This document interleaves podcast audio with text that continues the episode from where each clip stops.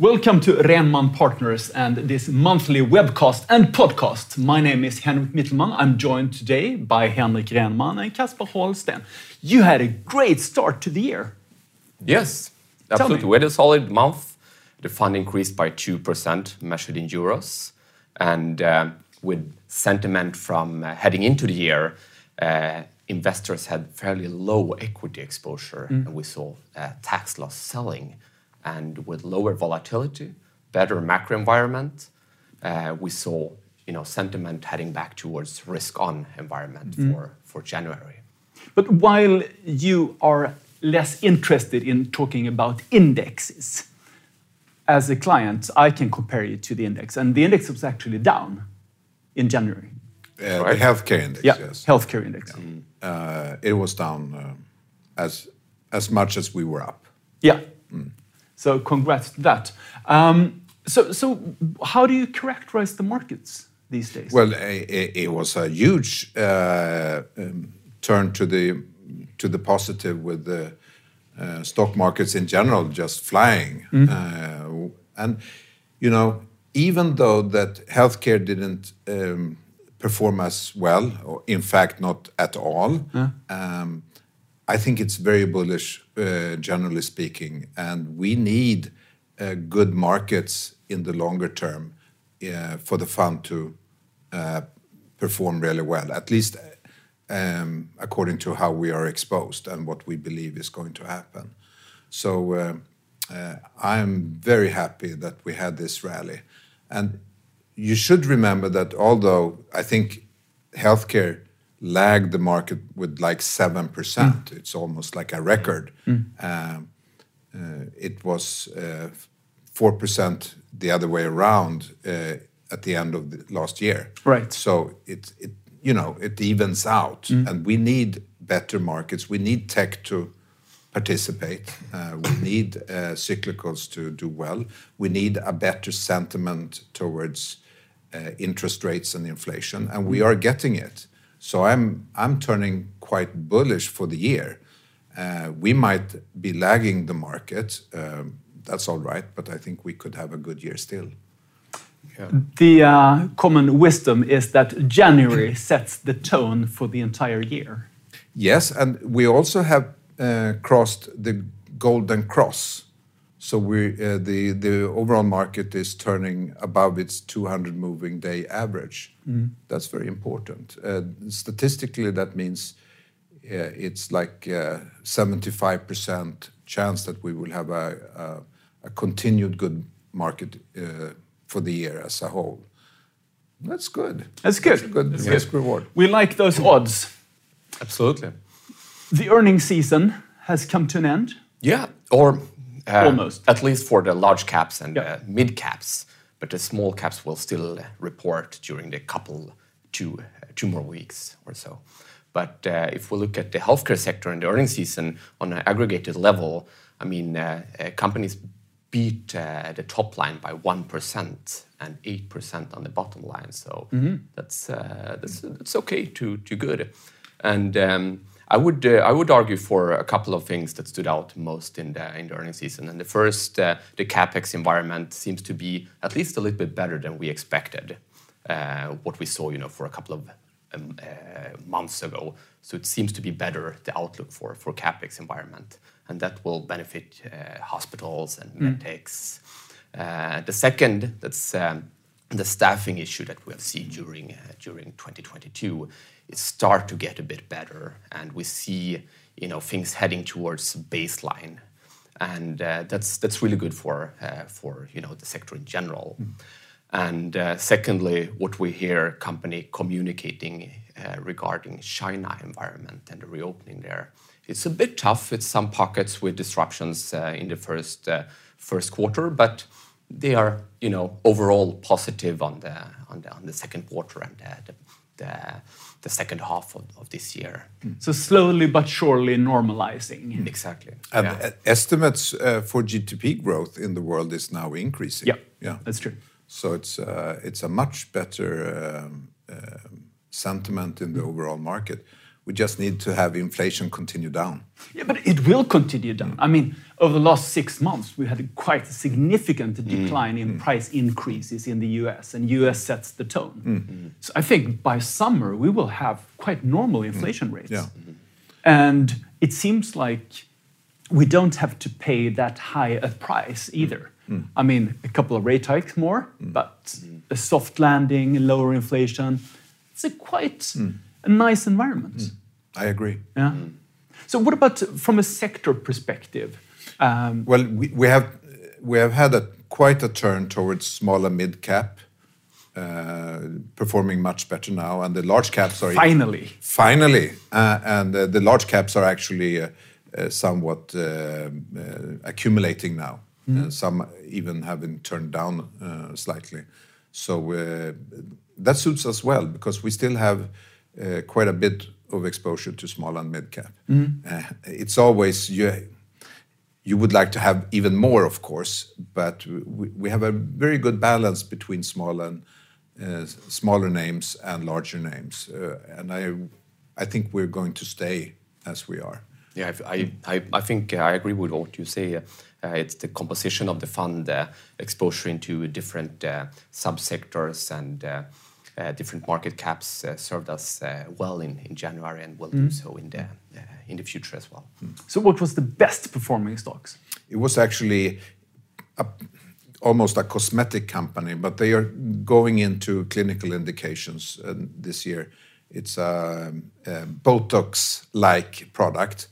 Uh, Botox is indeed used for both uh, uh, aesthetics and, and for uh, uh, for clinical use. And uh, this company, Revance, started with the, with the uh, cosmetic uh, uh, side, and, and later this year they're going to to go into uh, uh, medical use. And uh, it was almost it du- almost doubled in January. Really? Yes. So it was quite a good uh, Amazing. good performance. And what was the uh, least well performing stocks? Probably declining stocks. I, I don't remember. I think it it was uh, Pfizer. Uh, Pfizer, you, you know, they, they had this COVID tailwind last year, Yeah. and people are finally they. I guess we should also uh, have been more up to it, but people are now resetting their expectations completely. It's going to be um, quite a, a lackluster year for COVID sales Yeah. even though they increased the price quite a bit because it's now going to be private pay, they still have a, a quite an inventory uh, out there, and that makes this year uh, actually a complete reset. And hopefully next year, uh, COVID sales will increase again because then the new price is finally kicking in. But don't they have anything else in the pipeline? Uh, they have, but it's a lot of maturing products. It's a very cheap stock. Uh, but people, I mean, in January, people turned into growth stocks. And Pfizer is not a growth stock. It's actually uh, one of uh, the uh, pharma sector's um, lowest growing companies. And uh, now with the resetting COVID, it's actually a down year for them in terms of earnings. We should have been a little bit more cautious. It's a good value, um, but we need to see the turning point uh, for uh, for towards growth again. Value stocks are not in fashion anymore. Exactly. Casper, I know you focus a lot on medtech. Yeah. And we actually have a couple of questions from our listeners or viewers Okay. about the medtech sector. Yeah. And it has performed terribly last year. That's and right. fantastically the year before. Yeah, yeah, that's right. Maybe I could um, take a step back and um, uh, so if we look at the medtech sector in general, I think it's worth to uh, uh, look into different regions. So, for example, medtech in US and medtech in Europe. So, what, what we have seen over the last 10 years actually is that medtech in US is increased by, at least from a stock perspective, uh, more than 380%, while medtech in Europe over this 10 year period, just 65%. So it's a huge uh, difference between Why you know? US and Europe. It's, It's it's a couple of reasons, but um, mainly in in US there is a, a, lot of you know a lot of large cap medtech companies fo focusing on innovation and focusing more on high growth technologies. And in Europe, it's a lot of interesting companies and more a couple of large companies, more on the slow growing segments, mm. but also there is a, a, big tail of, of small caps with, with a lot of interesting things going on. Mm. So um, yeah, but um, but so um, could this be the year of medtech?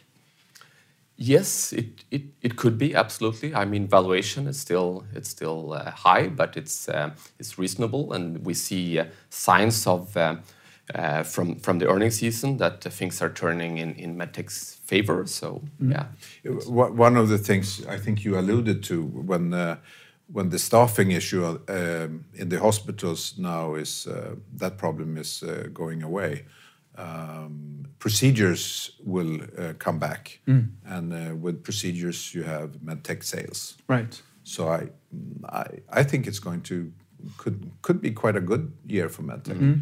Uh, as Casper said, um, the price earnings ratios are uh, are they're not low, but uh, when growth is coming back into fashion, I think they they still will do quite well. So if we if this year will turn into something like the year you painted out recently, uh, quite a solid, yeah. good year. Yeah.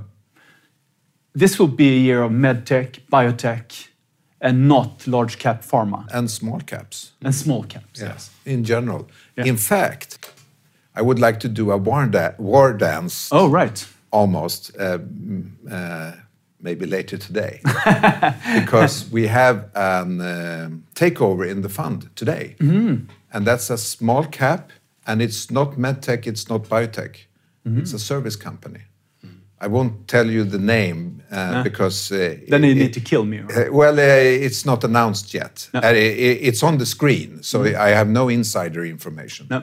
Uh, but it's on the screen, and I, I just don't want to if I say the name, it's not mm. going to happen. no, exactly. No, that means bad luck. Finally, a word on the conference you both attended in the US. Last month, I talked to Susanna Urdmark and Hugo Schmidt. They were also there, um, or at least Susanna was there, Hugo was watching it. Um, and we talked about their reflections. Mm -hmm. What are your reflections after having visited this huge conference with yeah. all those companies? it was a very productive uh, conference, absolutely, and a lot of company meetings and mm. meeting with investors and analysts. So uh, we brought back a lot of interesting takeaways from from the conference. And for me, I think it's three themes that stood out, you know, in the in the medtech sector, and then that's what's going on in the cardiovascular uh, settings mm. and what we see in the diabetes device space. It's a lot of exciting things going on there. And lastly, what we see, uh, what you can do in, uh, in nerve stimulation for treating, you know, different tricky to treat patient population. Okay. So it's uh, there's a lot of interesting things going on. You've been there before. Thirty times. Thirty times. Three zero. Excellent. I think the conference has been around for forty years. Or yes. Forty-one. Yes, uh, it's uh, very much the same it hasn't changed that much. It's in the same hotel and so on. And now you find your way around it. But 30 years ago, I was the youngest person. so, not anymore. Excellent. Thank you, Henrik. Thank you, Kaspar, and good luck. Thank you all for watching.